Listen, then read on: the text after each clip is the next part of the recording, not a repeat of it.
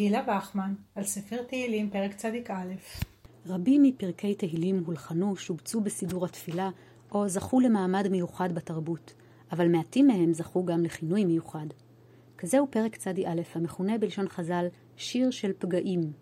ירושלמי עירובין פרק י' הלכה י"א וגם בבלי שבועות ט"ו עמוד ב'. מזמור זה נחשב לבעל סגולות מגיות של הגנה, והוא נאמר בהזדמנויות שונות הנחשבות מועדות לפורענות, כגון בלוויה או לפני השינה.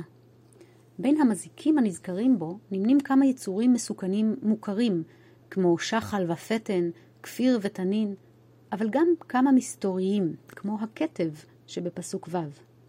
וכך הוא מתואר במדרש תהילים.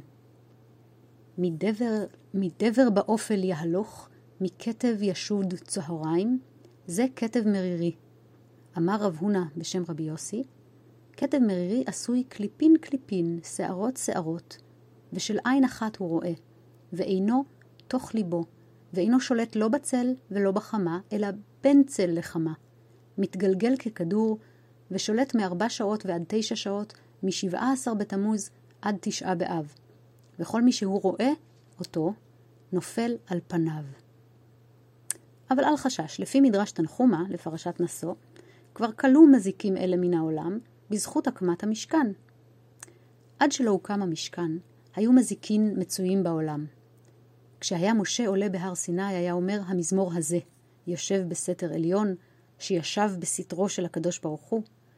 לא תאונה אליך רעה, ולנגע לא יקרב באוהליך, פסוק י', עד אוהליך. הווי עד יום שהוקם המשכן, היו המציעים מזיקים מצויים, וביום שהוקם המשכן, נתכלו.